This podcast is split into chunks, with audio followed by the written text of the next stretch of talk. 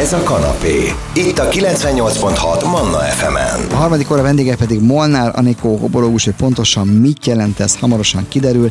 Némi nemű köze van ahhoz, hogy a napokban harmadikán szombaton adták át Földes László Hobónak az életmű díjat, a Petőfi zenei életmű díjat a Duna tévén. Ennek kapcsán beszélgetünk hobóról, a hobóságról, mindenről. Zene, aztán érkezik hozzánk Molnár Anikó. Ez a kanapé. Pucatillával. Kedves hallgatók, folytatjuk a kanapét, a témánk pedig egy szóban, röviden, négy betű, hobó.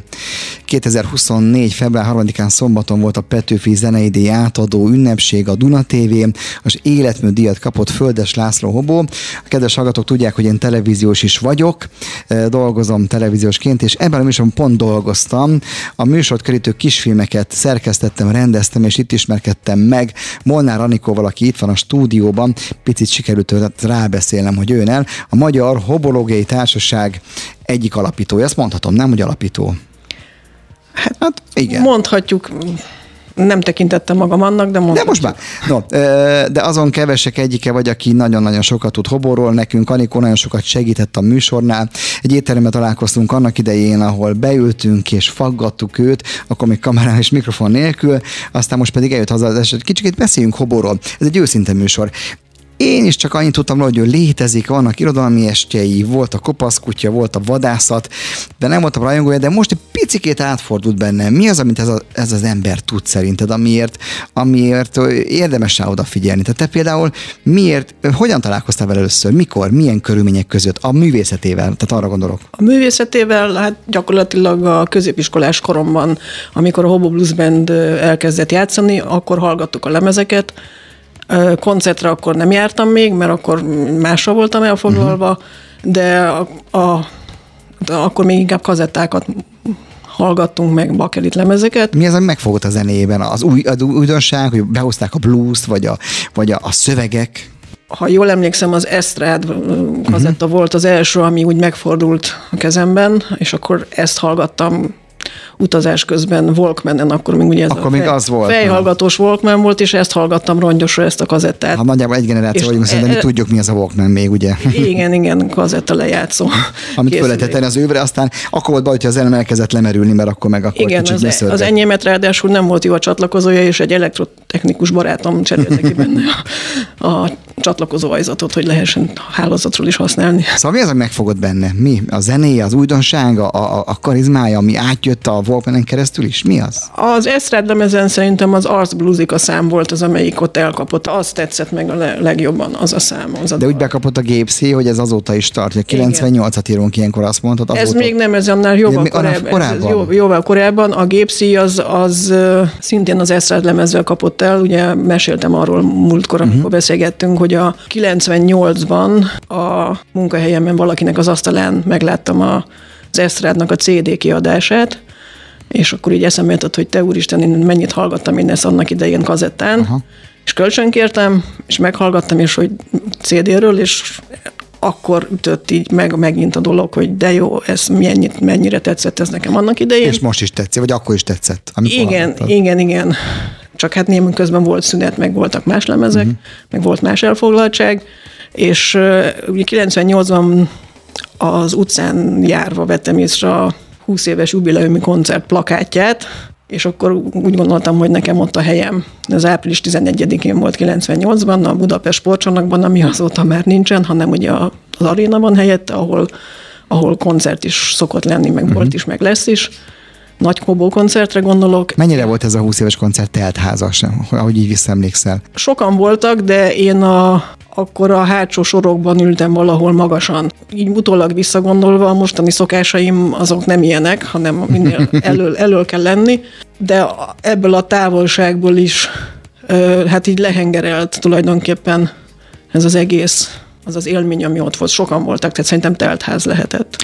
Elég nagy nyomot hagyott is benned, hiszen ugye nem titok, ugye amikor ez a műsor elkezdett készülni, akkor Hobó javasolta azt, hogy téged mindenképpen keressen meg a szerkesztőség, mert te tudsz olyan információkat adni nekünk, ami a műsor szempontjából tök jó lenne, és ez így is történt. Innen folytatjuk, hogy hogyan találkoztunk, hogyan sikerült neked egy picikét uh, minket terelgetni, és hogy a te életed hogyan alakult, miután berántott a gépsziha, ezt mondtuk. 9 98.6 Manna FM, ez a kanapé, akivel pedig beszélgetek, beszélgetek Molnár Anikó, a Magyar Hobológiai Társaság hm, tagja, elnöke, mit mondjak? Mindegyik, Mindegyik elhangzott. Tagja, elnöke, elhangzott már, pont hamarosan folytatjuk. Ez a kanapé, Pucatillával. Kedves hallgatók, folytatjuk a beszélgetést, a témánk pedig négy betű még mindig hobó, abból az apropóból, hogy most nem régiben, azaz február 3-án kapta meg az életmű díjat, a Petőfi zene életmű díjat. Ez a díj már dukált neki gondolom, Anikó, hiszen azért egy olyan életművet tett össze hobó. Valaki mondta azt a köszöntőbe, hogy ha ő most csak úgy ülne a babérjai, már akkor is bőven elég lenne, de ő azért járja az országot. Hogyan telnek az ő napjai mostanában? Mennyire lesz a szakmaira gondolt, tehát a, a, a művészetére? Ő járja, hogy a Dérini programmal járja az országot, és akármilyen kis településen be tudja mutatni a művészetét. De mennyire aktív ember, hogy lassan 79 éves lesz? Hogy látod ezt te lentről az első sorból? Hát mondhatni azt, hogy nagyon-nagyon aktív, és folyamatosan előre megy, és folyamatosan tervekkel van tele, amire mindig azt mondja, hogy több terve van, mint ideje megvalósítani. Tehát körülbelül így zajlik a dolog, és hogyha aki mondjuk az év 365 napjából most nem biztos, hogy jó számot mondok, de 130-140 előadást tart, azért az aktívnak nevezhető. Lehet, hogy még több is az. Lehet, hogy még több is az. Lehet, hogy nem tudom pontosan megmondani. Ugye a Hobo Blues Band az, ha minden az 2008-ban, ugye akkor, akkor ért véget a HBB. Nekem ő ezt tegnap ezt így mondta, és utána viszont ő nem állt le, tehát jönnek a szóló projektjei. Mit adott neked a hobó? Ugye nyilván kintotta a szemedet, hogy nem csak a zenéje van, hanem ő bizony remek előadó művész, bár ő tiltakozik ez ellen, mert ő nem mondja magát színésznek, nem mondja magát zenésznek, nem mondja magát énekesnek. Mégis akkor micsoda ő? Hogyha megkérni ezt a négy sort, akkor ki ő a magyar, hát a magyar művészeti életben mondjuk így kérdezem mindenki azt szokta mondani, meg ő maga is azt mondja, hogy én vagyok a hobó. Uh-huh. Hát ő a hobó. Na de mit akar ez, hogy ő, én vagyok a hobó? Ez egy valahol bekategorizálható valami, vagy ő a hobó, amiből csak egy, amiből csak egy van és kész? Igen. Ő az a hobó, akiből csak egy van. Ha tőlem kérdezett, hogy nekem konkrétan milyen irányokat mutatott, vagy hát nem is mutatott, mert ez nem ilyen direkt uh-huh. mutatás, hanem hogy a, inkább az ember úgy ráébred dolgokra. Hát ráébb a dolgok, tehát nyilván, tehát iránymutat valamilyen szinten, hiszen nem azt mondja, kintja a szemedet, mert kíváncsi tesz, hogy itt van egy ember ilyen karizmával, ilyen színpadi jelenléttel, és akkor kíváncsi lesz az ember még erre is, meg erre is, meg erre is. Ez egy József Attila, ez egy Vionest, ez egy gulágról szóló irodalmi est, a gulág virágairól beszélek, hogy akkor mindenre kíváncsi lesz, nem? Mert ez az ember valamit nagyon tud, valamit jól elő tud adni úgy, hogy hatása van a nézőkre. Kérdéseddel tulajdonképpen megfogalmazod a választ, mert pontosan erről van szó, hogy az, az előadásokon, ami előfordul, vagy megjelenik, az fölkelti az érdeklődésemet, és igyekszem utána menni, utána olvasni. Előkerül valamilyen téma, lehet, hogy én egész más hova is eljutok onnan. De hogy egy konkrétabb példát is tudok mondani, hogy Hobo mindig azt mondja, hogy a verseket jobb olvasni, mint hallgatni, annak uh-huh. ellenére, hogy ő nagyon sok verset szokott előadni, ugye. Előadni, ez fontos, mert előbb egy... Előadni. Ugye az előbb itt volt Tósok Janikó, egy irodalomtársat vezetője, és mondta, hogy a, a szavalás szótól attól, hogy fél, nem szavalnak, az iskolába szavalnak a gyerekek, Hobó pedig mondja a verseket, elmondja a verseket. Ugye van neki, csak a teljesség igénye nélkül mondasz néhány irodalmi estet, hogy kiket dolgozott ő fel? Hát ugye a József Attila az elsődleges, abból három estje is volt, most egy fut ezek közül. Aztán nem biztos, hogy időrend is Nem baj, nem baj, csak hogy kiket. Ugye a József Attila után a Faludi György, Pilinszki János, Csokonai Vitéz Mihály is ö, szerepel, akkor a víjon verseket is mond, ami a Faludi Györgyhöz uh-huh, kapcsolódik, uh-huh. tehát konkrétan víjon versek, fordítások, és a Faludi Györgynek a versei is szerepelnek.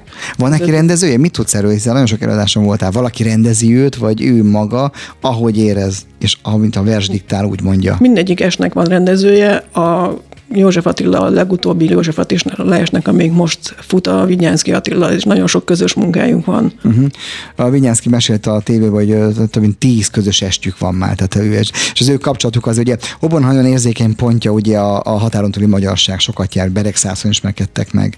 Oda is kísérted már el, vagy ott még nem? Volt a határon túli elő, előadáson voltál-e? Beregszászon úgy voltam, hogy az előadáson nem, de ilyen turisztikai céllal egy napra elmentünk, és láttam a színházat, ami eléggé romos állapot kívülről uh-huh. láttam. Tehát Na. magán előadáson nem voltam. De határon túl viszont voltam, csak nem Beregszászon. No, innen folytatjuk, kedves hallgatók, a vendégünk Molnár Anikó, a Magyar Hobologé Társaság alapító elnöke. Ugye ezt a titulust ezt lehet, hogy mi aggatuk rá, de igaz. Zene is folytatjuk. Ez a kanapé, Pucatillával. Kedves hallgatók, folytatjuk a kanapét, a vendégem Molnár Anikó, a Magyar Hobologé Társaság elnök, akit úgy ismertem meg, hogy mint televíziós szerkesztő rendező dolgoztam a Hobó Életműdi című műsorban. Ő volt a mi segítségünk, ő volt a mi háttér, és ez nagyon fontos az ő szempontjából, a háttér információnk, csak mi ezt, mi őt kiemeltük, néha előtérbe betettük a kisfilmbe, és most éppen rádióriportot is beszélgetünk, készítünk vele. No, a verseknél tartottunk, kicsit előre szaladtam a kiáltásig, de mondhatod, még a verseknél valami benned maradt. Mi maradt benned a hobó verseknél? Ha jól emlékszem, az előbb azt említettem, hogy a hobó azt szoktam mondani, hogy verseket olvasni jobb, Igen, mint, ezt mint előadni, pontosan. ezt mondtam. Én meg ezt azzal egészíteném ki, hogy ezt ő mondja, mert én nekem ez nem így történt. Uh-huh. Nekem ez úgy történt, hogy én nem nagyon olvastam verseket. A könyveket, irodalmat olvastam, és az olvasott szöveg az ilyen filmszerűen megy nekem a, uh-huh. a szemem előtt, ez ilyen, ilyen, inkább ilyen vizuális típusú vagyok de egy időben, egy idő után ez megváltozott, és most, most tartok ott, hát ne, nem egészen most, de az elmúlt 25 év valamelyik pontján elkezdődött ez a folyamat, hogy a versek is szólnak már, de ez korábban nem szóltak, annak ellenére, hogy nyilván olvastam azért. Uh-huh. Tehát ez egy ilyen nagyon érdekes momentum, hogy ő azt mondja, hogy ő, aki mondja a verseket, előadja a verseket, ő azt mondja, hogy inkább olvasni kellene. Én meg megtanultam, vagy nem megtanultam, hanem megéreztem, hogy hogyan szól a vers. Uh-huh. Nem azt mondom, hogy az ő hangján, nyilván azokat a verseket, amiket ő mond, azokat az ő hangján hallom, de a többi vers, akármilyen másik, az most már szól, tehát most már tudom, hogy mit jelent az, hogy szól. De 24. február 10-én lesz a 40 éves vadászat óriási koncert az arénában. Én azt hiszem, bár de cáfolj meg, te jobban ismered, hogy ő, persze egy arénát meg kell csinálni, mert ugye a 40-es szám az kötelez, de hogy ő azért csak jobban szereti az ilyen kisebb kamara jellegű előadásokat. Legendák vannak, hogy ő nem szeret lemenni a színpadról, hogyha meghajol, hanem leül a közönség köré. Ez tényleg így van? Tehát, hogyha olyan a hangulata, akkor leül, és akkor beszélget, ott mi történik ott előadástán általában? Egy kisebb helyen? Valóban ő is ezt szokta mondani, hogy a, ő a hétköznapok embere, és ezek a nagy koncertek, ezek ilyen ünnepi események. Vannak az ünnepek, de ő inkább a hétköznapok embere, és jobban szereti valóban az ilyen kisebb, klubszerű fellépéseket, koncerteket. A nagyobb koncerteken is előfordul, hogy a, a József Attila hetedik verset, azt a közönség soraiban nézőtéren körbe Tehát lesétál majd a színpadról? Lejön? lejön a színpadról, Aha. és a tömegben elvegyülve is mondja a verset. Időnként az emberek kiabálják a verset, a zenekar fönt játszik a színpadon, játsza a zenét, és ő pedig a, akár az arénában is előfordult ez, hogy a tömegben mondta a verset. Nagyon szuggesztív előadó, szerintem ő. Tehát nem lehet nem odafigyelni, hogy az ember odáig eljött, hogy vesz egyet az előadására, akkor ott szerintem a gondolat gondolatok nem tudnak másfelé cikázni, csak oda, ami épp a színpadon történik. Azon te is tapasztalod. Ez pontosan így van, és én azon mérem le a rám gyakorolt hatást, hogy ö, amikor azt veszem észre, hogy nem tudtam én saját magam belemenni az előadásba, akkor, akkor én nem voltam olyan helyzetben, vagy olyan állapotban, hogy tudtam volna úgy figyelni. De egyébként a többség, az esetek többségében ez pontosan így van, hogy a, az előadásokon csak a színpadon zajló dolgok a lényegesek, és nem, nem is veszem észre, meg nem is szeretném észrevenni, hogy a kör, környezetemben mi, mi zajlik azt mondta, hogy ő már egy, egyet furcsa az életében, hogy van már hobóbérlet a nemzetiben.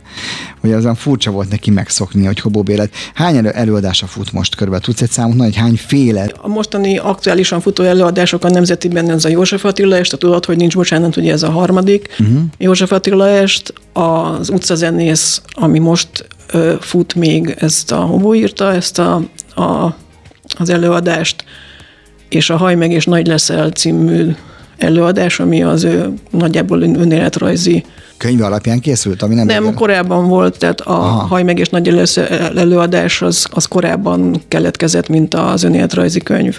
Na erről is beszélgetünk a továbbiakban, kedves hallgatók. A témánk, a mai témánk négy betű, mind a négy nagybetű, Hobó, Földes László Hobó. Annak apropóján beszélgetünk Molnár Anikóval, hogy idén volt február 3-án, nem régiben, hogy megkapta a Petőfi zenei életműdíjat. Zene, aztán folytatjuk Anikóval. Ez a kanapé, Pucatillával. Kedves hallgatók, folytatjuk a kanapét, a vendégünk Molnár Anikó, hobológus, ezt vagy mi adtuk rá, vagy már így hallottuk, nem tudom, de a hobológus az azt jelenti, akinek a, a aki sokat tud a hoborról, azt mondhatom, vagy, vagy az életed része, nem? Hát igazából mondhatom, hiszen ott vagy sok előadáson, nem?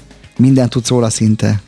Azt szoktam mondani, hogy többet tudok, mint amit ő szeretne, és én meg arra szoktam válaszolni, hogy nem szeretnék én mindent tudni. Jó van, de hát azért neked van egy egészséges tartásod az információkhoz, tehát nyilván nem adsz ki mindent, többet tudsz. No, de aki meg szeretett róla többet tudni, egy évvel korábban, 22-ben megjelent egy igen-igen vaskos könyv. 700 oldal, azt hiszem, több mint 700 oldalas könyv. Gondolom végrágtad magad rajta. Az elsők között voltál.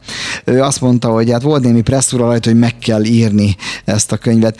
Mit tud meg az ember ebből a könyvből? Az egész élete? Nyitott könyv, mondhatni? Mennyire volt neked új információk? Voltak-e benne új információk? Évezet volt-e olvasni? Volt-e valami újdonság, amit onnan tudtál meg? Hát én ezt a megjelenése után két nap alatt olvastam el, és azt...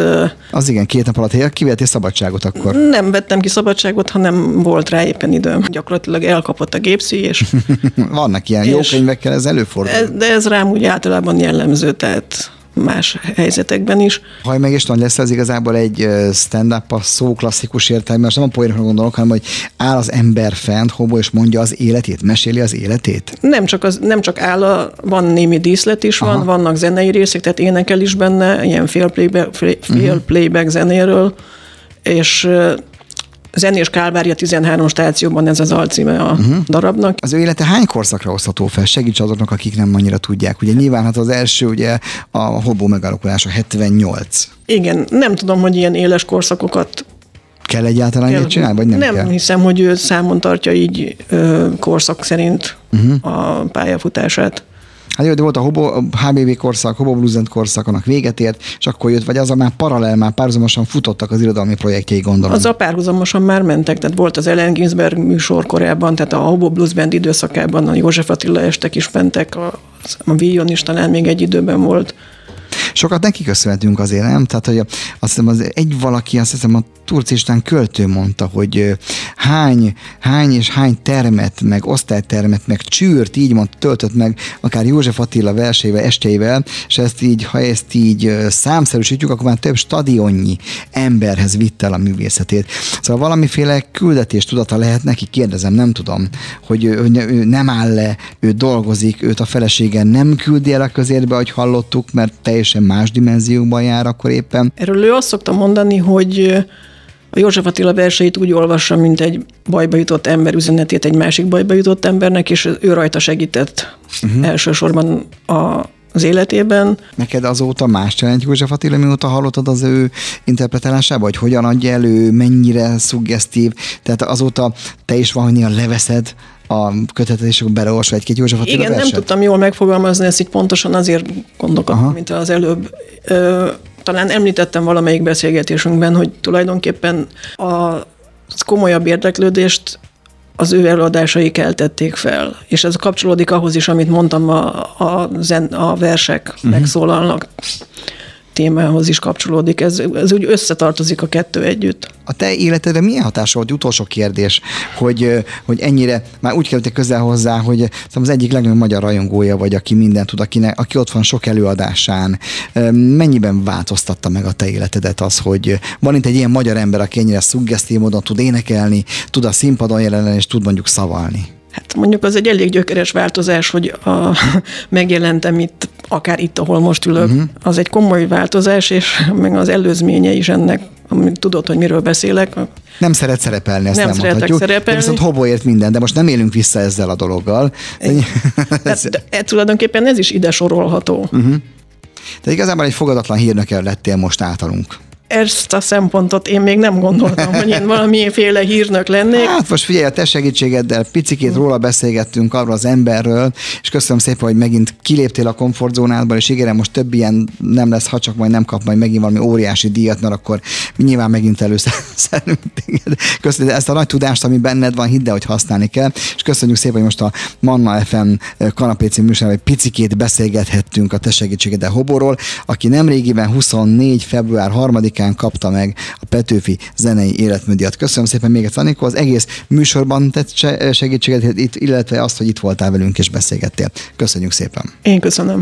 Kanapé, Manna FM.